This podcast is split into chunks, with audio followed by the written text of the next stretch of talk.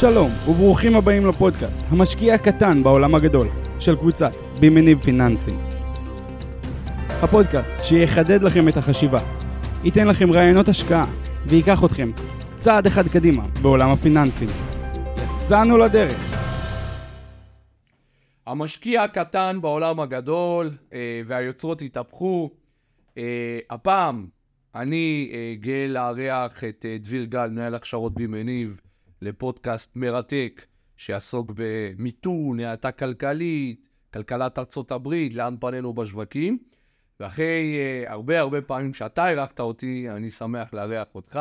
תודה רבה, תודה רבה. Uh, אני שמעתי שעשית חתיכת מחקר, שהצגת ללקוחות שלך ואתה יכול לעשות לנו, אז uh, זה הזמן uh, לשמוע את התובנות, ואני חושב שהמאזינים שלנו הולכים uh, לקבל תובנות מאוד מאוד מעניינות, אז איך מה שלומך? אני בסדר גמור, תודה שאתה שואל, וזה קצת uh, מוזר, החלפנו בין הכיסאות ובין העמדות, היוצרות באמת התהפכו. Uh, ואני מתרגש ושמח, וכל מי ששם את האוזן שלו איתנו, אז אנחנו מאושרים. אז נושא הוובינר היום, אני חושב שהוא מאוד מאוד אקטואלי. תראה, uh, חייב להגיד לך, אנחנו עוסקים כבר uh, בערך uh, שנה, שנה וחצי מאז תחילת גל העלות הריבית בתחילת 22, בשאלה האינפלציה והריבית הגבוהה, בסוף uh, איפה זה ייגמר ואיפה זה יפגוש את המשקיעים ואת הכלכלה. ויש שתי מושגים עיקריים שכולם עוסקים בשאלה הזאת, האם אנחנו בנחיתה רכה, או אנחנו במיתון, ומה המשמעויות. אני חושב שהגיע הזמן לפרק את המושגים האלה, להסביר את זה למאזינים ולמשקיעים, מה המשמעויות, ומה הסטטיסטיקה ומה ההיסטוריה אומרת לנו. אז אני אשמח מאוד שבואו נתחיל ממיתון. תגדיר לנו ותסביר לנו ולמאזינים מה זה מיתון. אוקיי, okay, אז אה, לבקשתך, כך יהיה. אך אני צריך משהו כמו שתי דקות שיפתחו את האוזניים וינסו בכלל להבין איך אנחנו מגיעים למצב שבו אנחנו בצומת הזאת שאתה מתאר, מיתון, נחיתה רכה, האטה בכלכלה. אה, בגדול, אני, קשה לי לא לשאול את השאלות, אז אני אשאל אותך רק שאלה אחת ברשותך. אה, יש דבר שנקרא מדד המחירים לצרכן. כלומר, לוקחים את, זה מדד שלוקח את כל המחירים שאנחנו משתמשים בהם, כל המוצרים שאנחנו משתמשים בהם, דלק ושכירות וחלב ואוטובוסים וכן הלאה וכן הלאה וכן הלאה, ולוקחים את הכל ביחד וזה מדד של הכל. אם המחירים של כל השירותים האלה שאמרתי עכשיו עולים, אז מדד המחירים לצרכן עולה, כלומר יותר יקר לחיות פה. והמושג הזה נקרא אינפלציה, למי שלא שמע אי פעם, אז אינפלציה זה שמדד המחירים לצרכן עולה ונהיה יותר יקר לחיות פה לדוגמה בחודש פברואר 2024 לעומת חודש פברואר 2023. אז אם באמת המדד עלה, אז זה אינפלציה ויותר יקר לחיות פה. אני שואל אותך שאלה קטנה. אה, האם אנחנו רוצים שיהיה יותר יקר לחיות פה משנה לשנה? האם זה דבר טוב, דבר רע? אנחנו רוצים שהמחירים ירדו משנה לשנה? תן לי זה. ממה שאני מכיר, אינפלציה של אחוז בשנה זה דבר בריא, כי זה מעיד על uh, צמיחת כלכלה, דמוגרפיה וכיוצא בזה. זה בתוך היעד של הבנקים המרכזיים וזה בסדר גמור. אה, אבל כנראה שאנחנו לא, רוצה ש... לא רוצים שהמחירים ישתוללו. יפה, אז התשובה היא כזאת, למי שחושב לעצמו שאנחנו לא רוצים אינפלציה, לא רוצים עליית מחירים, אז אנחנו רוצים. אבל אנחנו רוצים אותה במינון.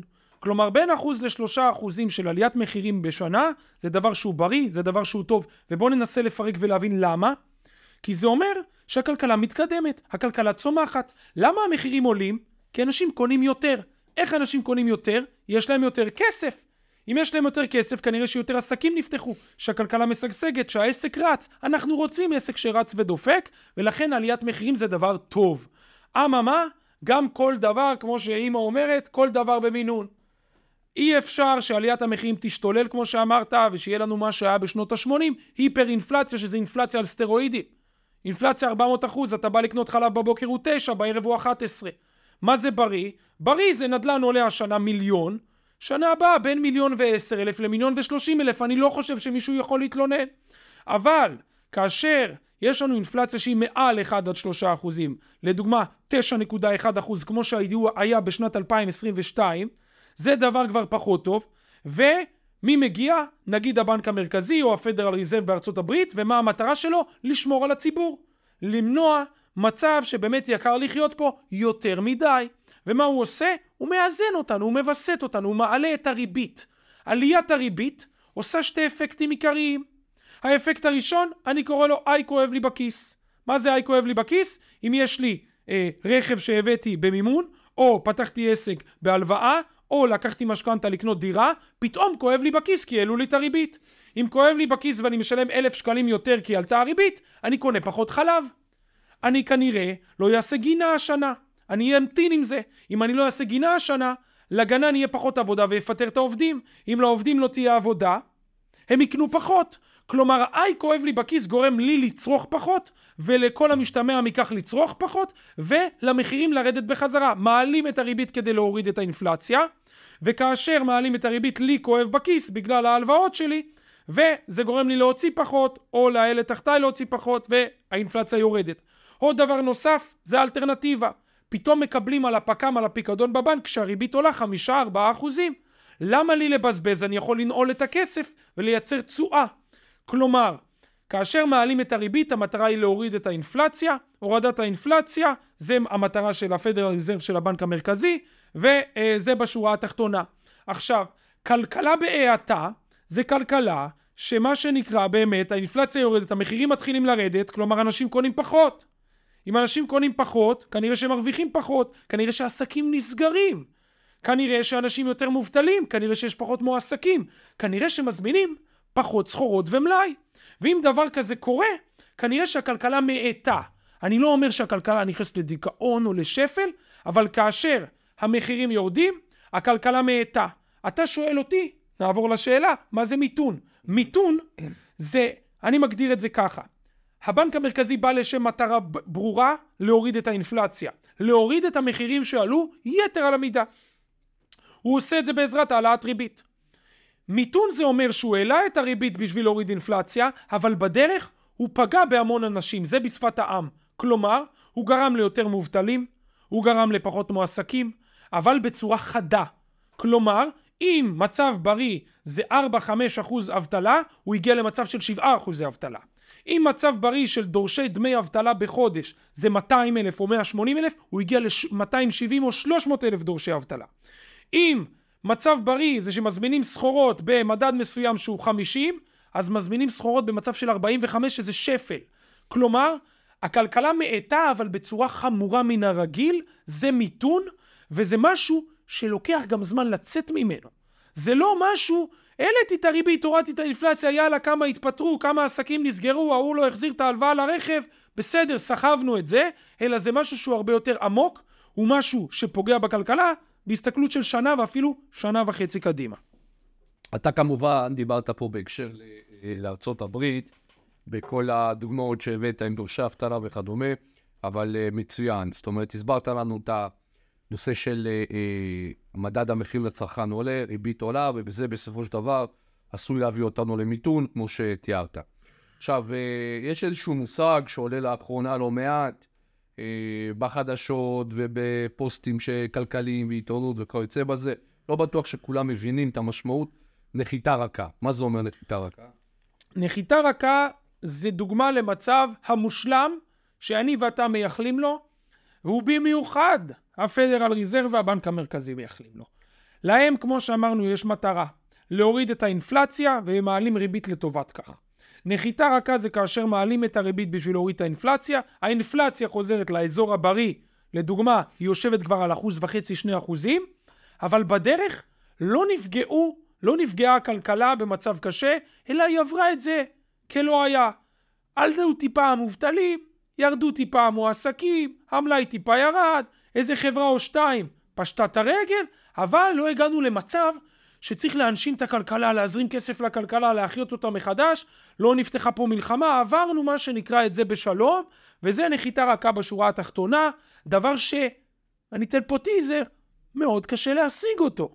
סורי למי שאני מאכזב אותו, עליית ריבית, לדוגמה כמו שקורה עכשיו, עליית ריבית של חמישה אחוזים, זה דבר שהוא לא עובר על סדר היום, והוא פוגע בהמון משקי בית, ובדרך הוא מביא באמת להאטה כלכלית ולרוב למיתון, לפעמים גם קורה נחיתה רכה, אבל זה דבר שהוא הרבה יותר קשה. אני אאתגר אותך.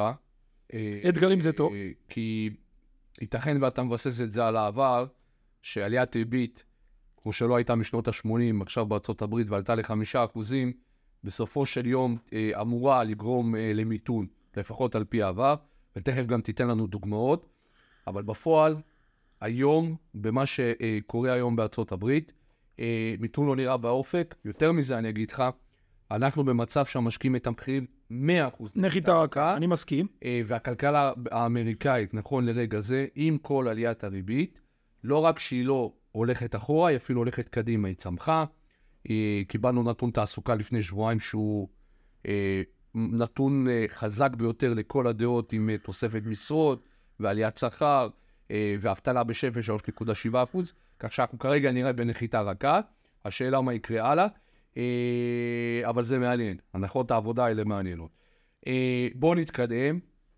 אני אשמח שתיתן לי קצת דוגמאות מהעבר ותנסה להסביר למאזינים מהשנים האחרונות או מההיסטוריה, אה, שנים שהיה להם בנחיתה רכה ושנים שהיו במיתון. דפרשן. כן. אז אה, נחיתה רכה, יש לנו מקרה קלאסי, קרה לו לאחרונה ב-2018. ב-2018 האינפלציה הרימה ראש, הפדרל ריזרב, בשונה מהמון פעמים, קלט את זה מהר, הגיב מהר. המון פעמים האינפלציה מתחילה לעלות והוא מחכה לראות שהיא באמת עולה גבוה עד שהוא מגיב. המון פעמים הוא מגיב באיחור. ו, אה, וזה למשקיע מתחיל יהיה מאוד קשה לשים לב, זה באמת משהו שמהניסיון אתה עוקב ורואה ממשבר למשבר ואתה מבין, אבל מה שקרה ב-2018 שהוא הגיב מאוד מהר, הוא העלה את הריבית ל-2.5%, האינפלציה התכנסה מאוד מהר בחזרה, ועברנו את זה בשלום. לא היה פה דיפרשן ולא נעליים. עברנו את זה ממש בשלום. אינפלציה עלתה, הרימה ראש, הוא הרים את הריבית, לא בצורה חדה כמו היום, הוא הגיע ל-2.5%, האינפלציה הורידה את הראש, הוא הבין שהמשימה צלחה, האבטלה עלתה באופן מאוד עדין, כמות המועסקים ירדה באופן מאוד מאוד עדין, אפילו היו שלבים, חלק מעליית הריבית שעוד עלתה, ועברנו את זה בשלום לגמרי. 2018, אה, דצמבר 2018, אה, ידוע כאחד, ה, מה שנקרא, אה, מחזורי ההידוק, מחזור הידוק זה מחזור שבו מעלים ריבית, אחד ממחזורי ההידוק המוצלחים ביותר של הפדרל ריזרב, להערכתי זה היה ג'רום פאוול באותה תקופה, תקן אותי אם אני טועה, זה היה הוא, לדעתי זה היה ג'רום פאוול באותה תקופה הפדרל ריזרב, וזה דוגמה, זה דוגמה לנחיתה רכה. אתה רוצה גם דוגמאות למיתון, אז דוגמה למיתון אה, שאני בכוונה תופס אותו. יש לי כל מיני בראש, אבל לא יודעים את זה, וזה חדש ומעניין.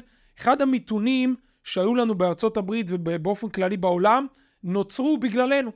בגללנו הישראלים, ב-1971 היה לנו את אה, מלחמת יום הכיפורים. ב-73. ב-71 התחיל להתפתח הדבר הזה, ב-73 באמת חווינו את המיתון בפועל. אה, מחירי הנפט והגז זינקו בטירוף. אה, ומשכו איתם עלייה של מחירים, כי למי שלא יודע, נפט זה החיים שלנו.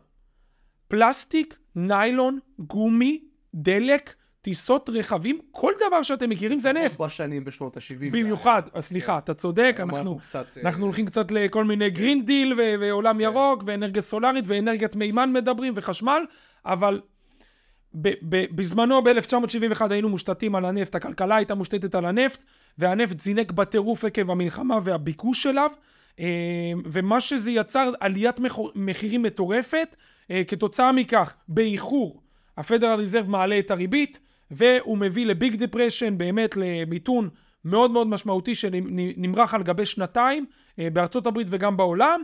אה, וכשאני אומר מיתון, אז באמת המון מובטלים, מעט אה, מועסקים, הזמנה של סחורות ירדה בצורה מאוד מאוד דרמטית, אינפלציה כמובן התכנסה למחיר הבריא לאחר מכן, וזה בגדול. אז אתה אומר שבשנות ה-70 אירוע בכלל בקצה השני של העולם, אם אנחנו מתייחסים לכלכלת ארצות כן. הברית, מן הסתם מלחמת יום כיפור וכדומה, וההשלכות של מזרח תיכון. העלתה בחדות את מחיר הנפט, באותם uh, רגעים הגיע גם למחירי שיא של כל הזמנים, ורק האינדיקטור הזה הוביל את כלכלת ארה"ב למיתון, כי, כי האינפלציה קפצה, באותה תקופה היה גם uh, תלות מאוד גדולה, כמו שאתה אומר. מעניין מאוד. אוקיי, אז זה ככה אירועים מההיסטוריה של מיתון ונחיתה רכה. אני רוצה עכשיו שתגיד למאזינים בגדול, שרוצים לנהל את התיק ההשקעות שלהם, רוצים רגע לראות קדימה, מה המדדים שהם צריכים לעקוב אחריהם כדי לקבוע ולהתחיל להבין, הופ הופ, אנחנו עכשיו הולכים לכיוון מיתון.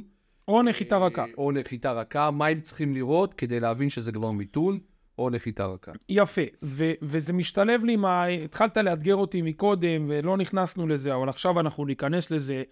אה, נדבר על הפרמטרים נד... ו- וננסה להבין, גם פנינו לאן אחר כך, אבל הפרמטרים הם יחסית פשוטים. אה, הדבר הראשון זה תמ"ג, הצמיחה בעצם של הכלכלה. אה, לדוגמה, מה שמוגדר ברוב המקומות, כאשר התמ"ג הוא שלילי, זה מעיד שהולכים למיתון. תמ"ג שלילי זה דבר יחסית חריג. אם אנחנו רואים אותו שלילי אפילו שני רבעונים, ולא רבעון אחד, זה באופן מובהק אומר לנו מיתון. בסדר? אה, שוב, אין דבר כזה מובהק. אנחנו בעולם הפיננסים, זה לא מדע.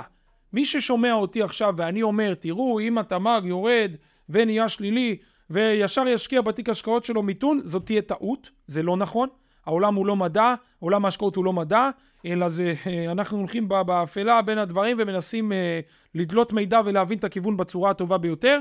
דבר ראשון, זה אה, מה שנקרא תמ"ג, התוצר של המדינה. כאשר הוא שלילי, זה כיוון למיתון, כאשר הוא נשאר חיובי לאורך זמן של עליית ריבית והורדת אינפלציה, זה כיוון לנחיתה רכה. יפה, okay. אוקיי. זה אחד. הדבר השני זה PMI. למה אני מאוד אוהב את האינדיקטור הזה? כי זה אינדיקטור צופה פני עתיד. בשונה מהמון אינדיקטורים שנדבר עליהם עכשיו כמו תמ"ג, זה אינדיקטור שסופר את מה שהיה. PMI זה אינדיקטור שמסתכל קדימה לחודש הבא ואומר לנו בחודש הבא את כמות הסחורות ש-400 חברות כאלו ואחרות שבוחרים אותן במשק מזמינות, כמות, כמות הסחורות שהן מזמינות, כמות המלאי שיש להן היום וגם אפילו מדברים שם כחלק מהמדד הזה של PMI נוגעים בגיוס ופיטור עובדים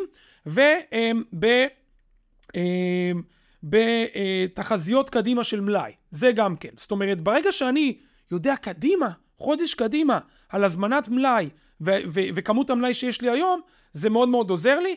אה, אם תרשמו PMI, בגוגל אפשר להיכנס לאתר Investing, שזה אתר קלאסי למשקיעים, ולחפש PMI שם.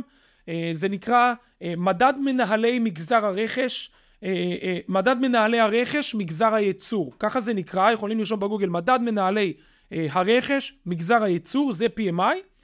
אם תיכנסו לזה, 50 זה הפס הבריא. מעל 50 המשק בצמיחה, מתחת ל-50 המשק בהאטה. כמו שאמרנו שתמ"ג שתי רבעונים רצוף שלילי מעיד על מיתון, ואם לא זה מעיד כנראה על נחיתה רכה. שוב, ואין פה מדע.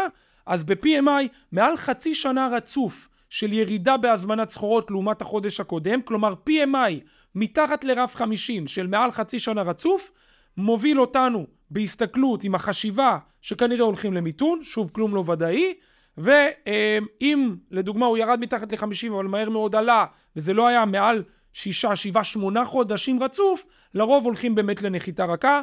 זה הדבר השני. הדבר השלישי זה אבטלה.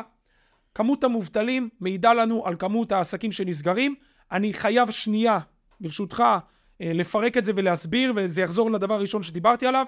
קניתי נדל"ן בשלוש מיליון. באתי חנוק עם מה שנקרא משכנתה, ועלתה לי הריבית בצורה החדה ביותר ב-40 שנים האחרונות. מקרה קלאסי שקרה להמון אנשים, יכול להיות שגם מישהו שמקשיב לזה. אם אני רוצה לקנות, אה, לבנות עכשיו גינה, ועלתה לי הריבית לקחתי עשרת אלפים שקלים משכנתה על הדירה של השלוש מיליון, על, על הווילה של השלוש מיליון, פתאום אני משלם שלוש עשרה אלף שקלים. זה שלוש אלף בחודש יותר, זה שלושים ושש אלף שקל ש... בשנה, אני לא יכול להרשות לעצמי פתאום, אם באתי באמת חנוק, לעשות גינה. אני ממתין עם הגינה שנה שלמה, אז הבית יהיה יותר מכוער, הכל טוב, אבל אני ממתין. ואם אני ממתין, אז הגנן לא מקבל ביקוש. אם הגנן לא מקבל ביקוש ממני ומעוד וילות, אולי הוא מפטר את העובד שלו, הוא בעצמו כנראה מבזבז פחות, אולי מפטר את העובד שלו. אם העובד שלו מפוטר, זה מובטלים. זה הגלגל הזה, שאני מסביר לכם שיותר מובטלים, זה הגלגל, כך הוא עובד. וכאשר אנחנו רואים עלייה במובטלים, זה אומר בצורה רבתית, העליית ריבית משפיעה ומעיבה על המשק, נותנת לו רוח שלילית, רוח גבית שלילית. אה, אז מובטלים בצורה שעולה, אה, בצורה חדה, לדוגמה בארצות הברית, באזורים של 6-7 אחוזים, זה האזורים שמעידים לנו שאנחנו הולכים למיתון, חמישה אחוזים ומעלה, שישה, שבעה אחוזים, זה בנקר מיתון מה שנקרא. אה, זה הסעיף, אה, אה, אנחנו כבר בסעיף השלישי, רביעי, לא, לא משנה, אמרנו תמ"ג, אמרנו PMI, אמרנו אבטלה, שלושת אלה נגענו. אה, אנחנו מדברים גם על אה, תעסוקה. כמות מבקשי המשרות החדשות כל חודש. יש לנו כל חודש וכל שבוע נתונים על כמות האנשים שמבקשים להתקבל למשרות חדשות. כשיש, אה, סליחה, על, על כמות המשרות החדשות שנפתחות, סליחה, אני טועה, על כמות המשרות החדשות שנפתחות. אם יש פחות ופחות משרות, פחות ופחות ביקוש לעובדים, כנראה שיותר ויותר עסקים נסגרים, סלש מרוויחים פחות. וזה גם מעיד על מה שנקרא אה, אה, צפי למיתון ולא לנחיתה רכה. אה, בואו נתקדם. הידוק בתנאי האשראי. המון פעמים בשלבי מיתון הבנקים מהדקים את תנאי האשראי. בנוסף, עוד סעיף, אה, המון פעמים אה, אה, הבזבוז של כרטיסי אשראי, כלומר צריכת כרטיסי האשראי של הציבור יורדת. לדוגמה, אה, אם ניקח דוגמה מתי זה יכול לקרות במלחמה. לדוגמה בחודש אוקטובר צריכת כרטיס אשראי של הישראלי הממוצע ירדה ב-50% והתחום לדוגמה שהכי נפגע היה תיירות ותעופה. אוקיי? סתם אני פותח לכם את הראש איך זה קורה בפועל למי שלא מצליח להבין על מה אני מדבר. אז אה, פגיעה בצריכת אשראי זה גם עוד אחד מהמאפיינים.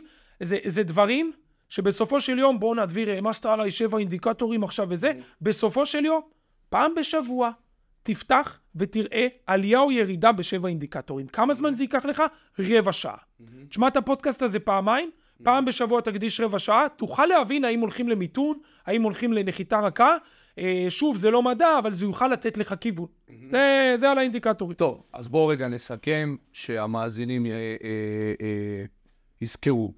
אז האינדיקטורים כדי להבין האם אנחנו מתקדמים למיתון, כן או לא, קודם כל, תוצר מקומי אה, גולמי, תמ"ג של מדינה. הדבר השני, PMI, שזה מדד הזמנה אה, מנהלי הרכש קדימה, שמעיד על אה, הזמנות, על כלכלה שמתפקדת. אם ההזמנות יורדות, אז אנחנו במצב אה, אחר.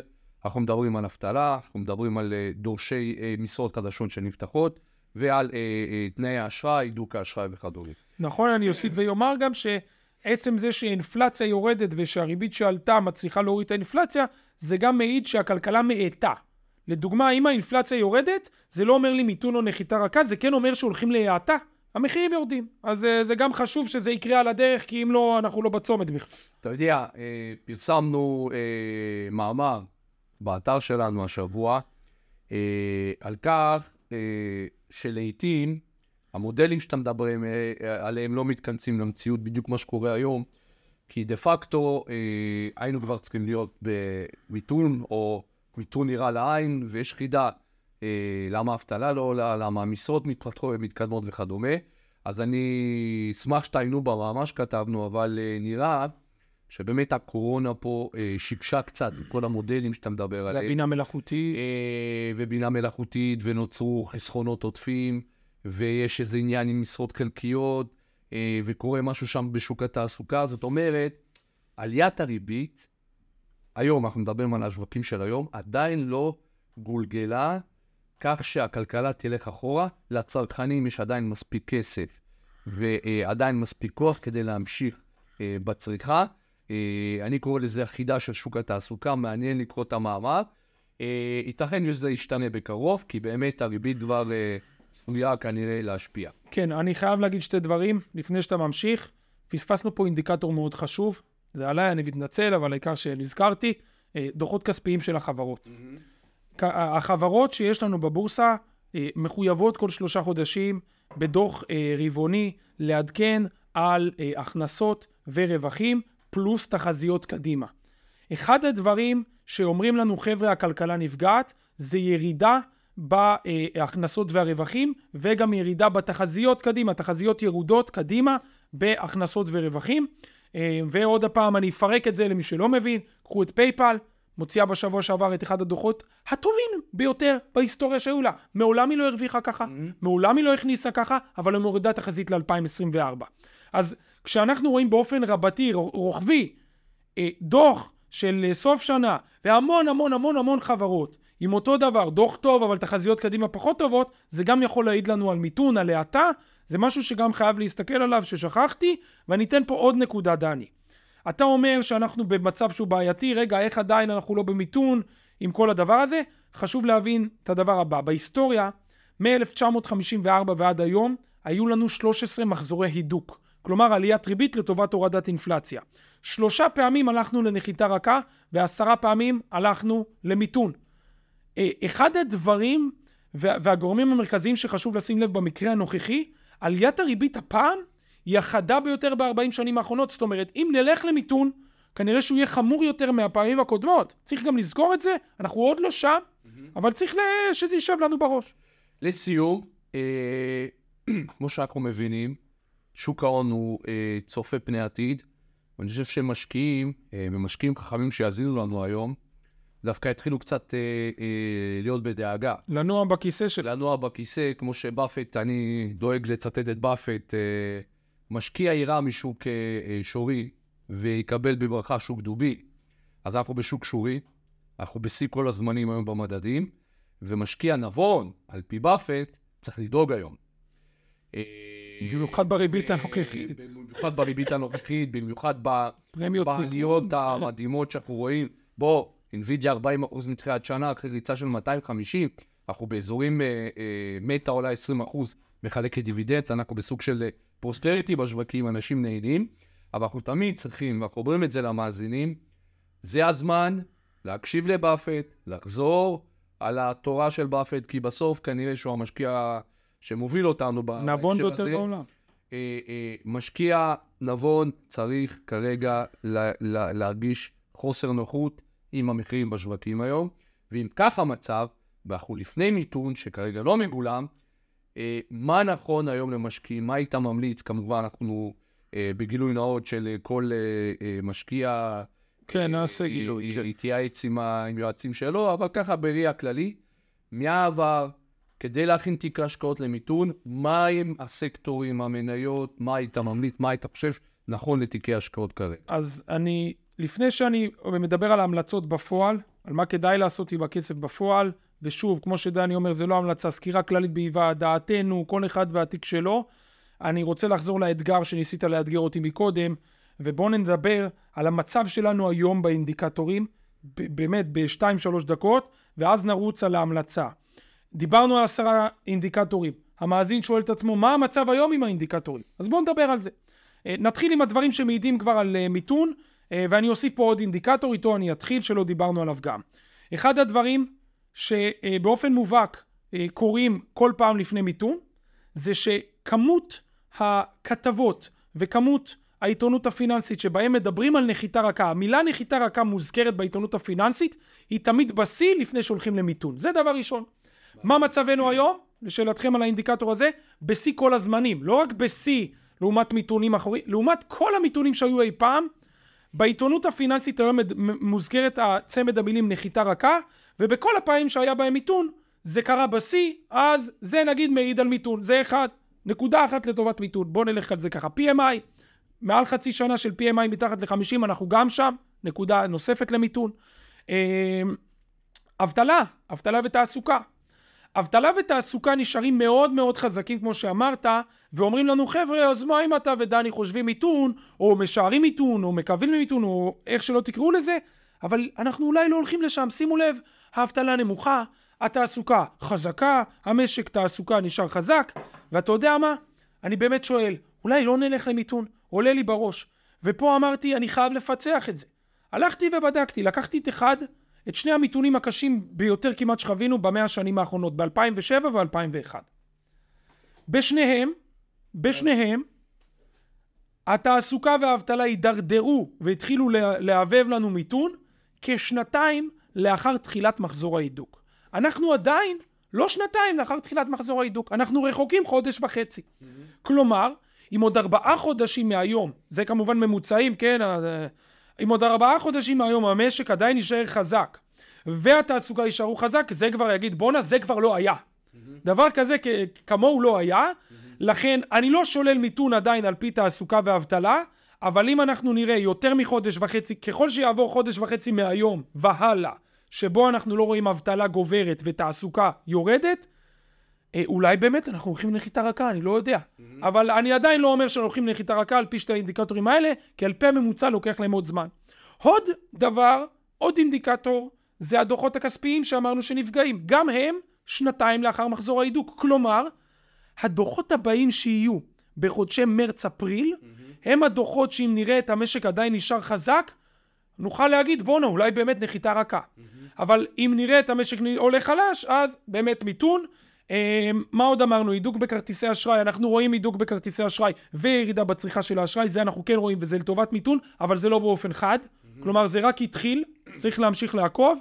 אה, תמ"ג עדיין לא שלילי, מנגד אני אגיד דבר כזה, באף מיתון לא קרה שלפני שהמיתון, לפני שהתחילו להוריד ריבית, התמ"ג כבר היה שלילי. כלומר, הריבית מתחילה לרדת במקביל לכך שהתמ"ג מתחיל להיות שלילי. Mm-hmm. כלומר, אנחנו גם עדיין עוד לא שם, אבל זה גם עדיין עוד לא מיתון. אה, אז אמרנו כרטיסי אשראי, אמרנו PMI, אמרנו דוחות חברות, אמרנו תעסוקה ואבטלה ואמרנו אה, אה, תמ"ג. פספסתי משהו? דיברנו על הזה? לא. בשורה התחתונה, חצי מהאינדיקטורים כבר אומרים מיתון, שלושה אינדיקטורים אומרים מיתון, חמישה אינדיקטורים אחרים עדיין לא אומרים מיתון, אבל על פי ההיסטוריה הם עדיין לא צריכים להגיד מיתון על פי הממוצע, mm-hmm. ושווה לעקוב אחרי חמשת האינדיקטורים האלו בהסתכלות של חודש וחצי קדימה. כי אם עוד שלושה וארבעה חודשים הם לא יזעקו מיתון, כנראה שבאמת נעבור את זה בלי מיתון. השלושה חודשים הקרובים, חבר'ה, השישים ימים הקרובים הם קריטיים. הם קריטיים. ואני מתנצל שוב, אבל שכחתי עוד אינדיקטור אחרון שהוא מאוד מאוד חשוב, ופה אני מתקיל אותך ואתה הולך להסביר עליו. זה עקומת תשואה הפוכה. עקום תשואה הפוך. כן. עקום תשואה הפוך הוא אינדיקטור לכך שהולכים למיתון, ובאף פעם עקום המיתון לא הגיע לפני שעקום התשואה היה הפוך לפחות 300 ימים. אנחנו קרובים לעקום תשואה הפוך 300 ימים, אנחנו כבר מתקרבים לשם, וזה קורה, וכל פעם שזה קרה הלכנו למיתון. אה, דני, בקצרה, מה זה עקום תשואה הפוך? חשוב שהמאזינים, זה אינדיקטור מאוד מאוד אמין, באמת, כמו שאמרת. אה, אנחנו מצפים בשוק אגרות החוב ובשוק החוב, שככל שאני מלווה כסף לתקופה ארוכה יותר, התשואה או הריבית אה, תהיה גבוהה מהטווח הקצר. זה אומר עקום תשואות נורמלית. זאת אומרת, אם אני משקיע באג"ח, אני אמור לקבל 3% סתם לדוגמה לעוד שנתיים, ולעוד 10 שנים 5%. זה אומר שאנחנו בעקום תשואה עולה, וזה הגיוני כמובן. אנחנו בעקום תשואה הפוך, זה אומר שהתשואה שלי לטווח ארוך היא נמוכה מהטווח הקצר, זה דבר שהוא נדיר, והוא מבשר על מיתון. למה? כי צופים שבעתיד הריבית תרד בצורה משמעותית יותר ממה שהיא עכשיו, ולכן מוכנים לקבל תשואה גבוהה יותר בעתיד כבר עכשיו, כי צופים שיהיה מיתון. יופי. זה המשמעות, וזה אה, אה, אה, מה שמתמחר ממיתון, אתה צודק, אינדיקטור מאוד אמין. יופי, אז שווה גם לעקוב אחריו, מעל 300 ימים של אה, עקום תשואה הפוך מעיד לנו, בכל הפעמים הלך למיתון, אנחנו עברנו 300 ימים, אבל הממוצע הוא 360 יום. Mm-hmm. כלומר, אנחנו רחוקים אזור 50-60 ימים מהממוצע גם של זה. הכל מתכנס לכך שבאזורים מרץ-אפריל, אנחנו נגיע לשיא הצומת, mm-hmm. ועל פי האינדיקטורים במרץ-אפריל נבין האם הולכים למיתון או נחיתה רכה. ועוד דבר אחרון, רק אני חייב, אין המוח שלי כל הזמן מוסיף, מעולם לא קרה בהיסטוריה שאינפלציה עלתה מעל חמישה אחוזים, כתוצאה מכך הריבית עלתה מעל ארבעה אחוזים ולא הלכנו למיתון. במקרה שלנו היום, ימינו אנו, אנחנו באינפלציה שעלתה מעל, מעל חמישה אחוזים וריבית שעלתה מעל ארבעה אחוזים, אז גם את זה צריך לקחת בחשבון. אה, ולשאלתך, בוא נדבר פרקטיקה, בוא נדבר ביזנס, במה משקיעים. כן. אז אה, אני מחלק את זה אה, לשלושה דברים, מנייתי, אגרות חוב וסחורות. בעולם של המניות נחלק את זה ללונג ושורט. כלומר, השקעות שאני צופה שיעלו או יחזיקו מעמד יפה כאשר השוק ירד במיתון, הם כאלו. לפני שאני נכנס אליהם אני רק אגיד, כאשר הולכים למיתון למי שלא היה ברור זה ירידות בשווקים. מיתון זה ירידה ברווחיות חברות, ירידה ברווחיות חברות זה ביצועי מניות ירודים. Mm-hmm. שוק יורד, יפה. אם השוק יורד, מה יחזיק מעמד סלש יעלה? א' כל מוצרים דפנסיביים, מוצרים שתמיד צריך אותם, והנה אני מונה את זה. טבק, מזון, תשתיות, בריאות, ביטחון, אה, אלה אלה הדברים בעיקר, data center, כל מיני אה, מחשוב שחייב אותו כמו ענן וכמו קישוריות בין מחשבים וכדומה, content אה, delivery למי שמכיר, הדברים האלה הם דברים שאני תמיד חייב, תחבורה וזה, אלה דברים שאני תמיד חייב, ולכן הם נפגעים הכי פחות במיתונים. ואם אני רוצה להיות ערוך למיתון, זה לא אומר שאני עכשיו מוכר את כל תיק ההשקעות שלי וקונה את אלו, ממש לא. אני באופן הדרגתי מתחיל לקנות אותם. וככל שהאינדיקטורים שדיברנו עליהם היום יזעקו מיתון מיתון, במרץ אפריל כמו שאמרנו, אני אגדיל את החשיפה אליהם ויוריד את החשיפה לטכנולוגיה וכדומה וכדומה.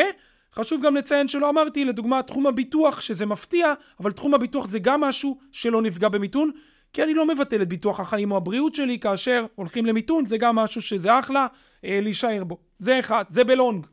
בשורט, כלומר ללכת נגד השוק, דבר ראשון, שורט זה מוצר בסיכון מיוחד, זה לא לכל אחד, מי שלא מבין שלא יתקרב, באמת אני אומר, וגם כשהוא מתקרב, כמו שאני רואה את עולם ההשקעות, חמישה עשרה אחוז מהתיק.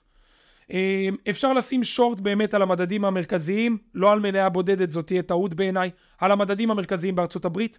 אפשר לשים שורט על המדדים המרכזיים באירופה, לדוגמה דאקס. אפשר לשים שורט במיוחד על חברות, אה, על, אה, סליחה, על מה שנקרא שווקים מתעוררים, כלומר אה, הודו, סין וכן הלאה, לא סין, סליחה, הודו, ברזיל וכדומה, אלה מקומות שייפגעו עוד יותר מארצות, אם ארצות הברית נפגעת אז ודאי שהודו נפגעת, שהחובות שלהם בדולר וכדומה, זה באפקט המנייתי. הערות, משהו?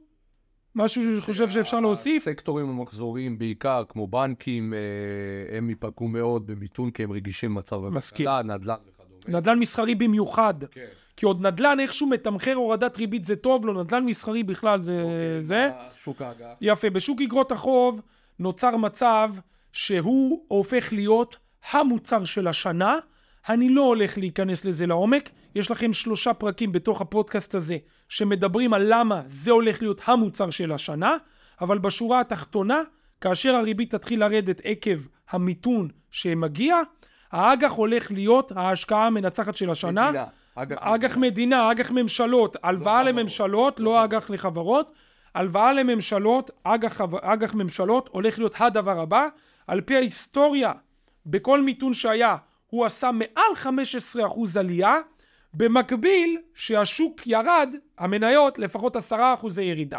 תדמיינו לכם, S&P יורד 10%, ואתם עשיתם 15. מדהים. זה כאילו עשיתם 25, אין דברים כאלה.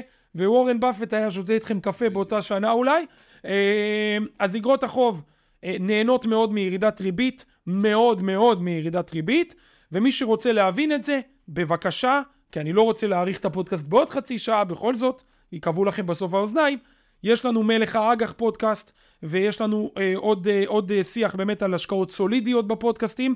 אה, אז האג"ח זה הדבר הבא. בנושא של סחורות, אמ, אני אתחיל עם ביטקוין ואיתריום, יש מי שמגדיר את זה כסחורות, כזהב חדש, יש מי שלא, נשים את זה בצד בין לבין. אבל ביטקוין ואיתריום בעיניים שלי יכולים לתת מה שנקרא אה, תמיכה לתיק ההשקעות, סוג של גידור לתיק ההשקעות, דברים שהם רלוונטיים במיוחד השנה, שיש להם אירועים משמעותיים, ואנחנו נעשה על זה פודקאסט, אירועים משמעותיים השנה בתחום הקריפטו.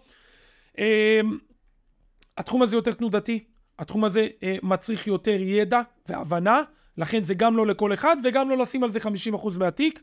אז לדעתי קריפטו הוא מעניין, במיוחד השניים הגדולים ביותר ביטקוין ואיתריום. בנוסף, אפשר לקחת את הזהב. הזהב הוא גם סוג של מפלט לכסף בימים של מיתון. ולדוגמה בסחורות, אם נלך על שורט, נפט יכול להיות מעניין, יכול להיות, כי נפט מושפע ממגוון רחב של גורמים, ויש לנו בשור, קרטלים בפנים, בשור. בדיוק. יש לנו מגוון רחב של גורמים וקרטלים בעולם של, של נפט. לא בהכרח זה ילך לכל אחד, ויש פה עניין של תזמון, אבל באופן כללי שהולכים למיתון, אז כמו שאמרנו, נפט מאוד נפגע. אה, ואם נפט מאוד נפגע, אפשר לשים עליו שורט, זה יכול להיות מעניין. זה הסיפור בנושא של אה, סחורות. אז דיברנו על סחורות, דיברנו על אגרות חוב, ודיברנו על אה, מה שנקרא מניות. טיפ אחרון שאני רוצה לתת לכם, תמיד תשמרו על נזילות. במיוחד בתקופה הזאת. אם נלך למיתון זה אומר ירידות. אחרי הירידות אני אוהב לקנות, בהנחה. לכן עשרה אחוז מהתיק, חמישה אחוז מהתיק צריכים לשבת בצד ולחכות לסיום המיתון, להעמיס טכנולוגיה, נדל"ן וכדומה. המון פעמים מיתון בשווקים, ברמה של המניות, אורך באזורים של שנה בממוצע. יכול להיות שהפעם זה יותר מהיר, יכול להיות יותר ארוך, אנחנו לא יודעים, אבל חשוב שיהיה לנו כסף בצד. טוב, בואו נסכם. היה לנו לעונג, תודה רבה אה, דביר. אני חושב שמה שלקחתי פה עכשיו זה אה, מסר מאוד מאוד חשוב מכל מה שאמרת. אם משקיע נבון ומאזין ששומע אותנו מבין שאנחנו עכשיו בשוק שורי וברמות שיאים, והאינדיקטורים, או חלק מהאינדיקטורים, מתחילים לעלות חשש, זה הזמן להרגיש אי נוחות, וזה הזמן להקשיב ל... למה נכון ומה אפשר להתחיל להגן על עצמנו, כדי שלא נהיה מופתעים בתיק ההשקעות. אה, הבאת פה אה, סקירה נהדרת עם הרבה הרבה אינדיקטורים לבחון, והכי חשוב, ב... וזה אני אומר לכולם, צריכים להכין את התיק לפני שהדברים מופיעים. כי ברגע שהדבר יופיע, זה כבר יהיה אה, מאוחר מדי. אז היה לי תענוג, תודה רבה. תודה רבה לכולם. בפודקאסטים הקרובים. תודה רבה לכולם, ואני שולח אתכם עם מסר אחרון. כמו שדני אומר, תמיד תתאימו את תיק, את חליפת ההשקעות שלכם לפני שמגיע המשבר. וה- והדבר הכי חשוב הוא, אל תהיו אגרסיביים מדי. אני לא רוצה שאחרי הפודקאסט הזה מישהו ייקח את התיק שלו ויעביר לכל הדברים ש... אל תהיו שחור או לבן. הכל בהדרגתיות. ככל שנרגיש שהמיתון בא, בהדרגתיות תתחילו לשנות, זה הטיפ שלי. ושוב תודה דני, תודה לכולם. תודה למאזינים, ואנחנו ניפגש. בפודקאסטים הבאים. תודה שהאזנתם לפודקאסט, המשקיע הקטן בעולם הגדול. הסקירות והניתוחים הנאמרים בפודקאסט אינם המלצה לפעולה בניירות ערך או בנכס פיננסי כזה או אחר. כלל הרעיונות ההשקעה העולים בפודקאסט הזה הם להעשרת הידע הכללי שלכם בלבד. מקווים שנהנתם, ונתראה בפרק הבא.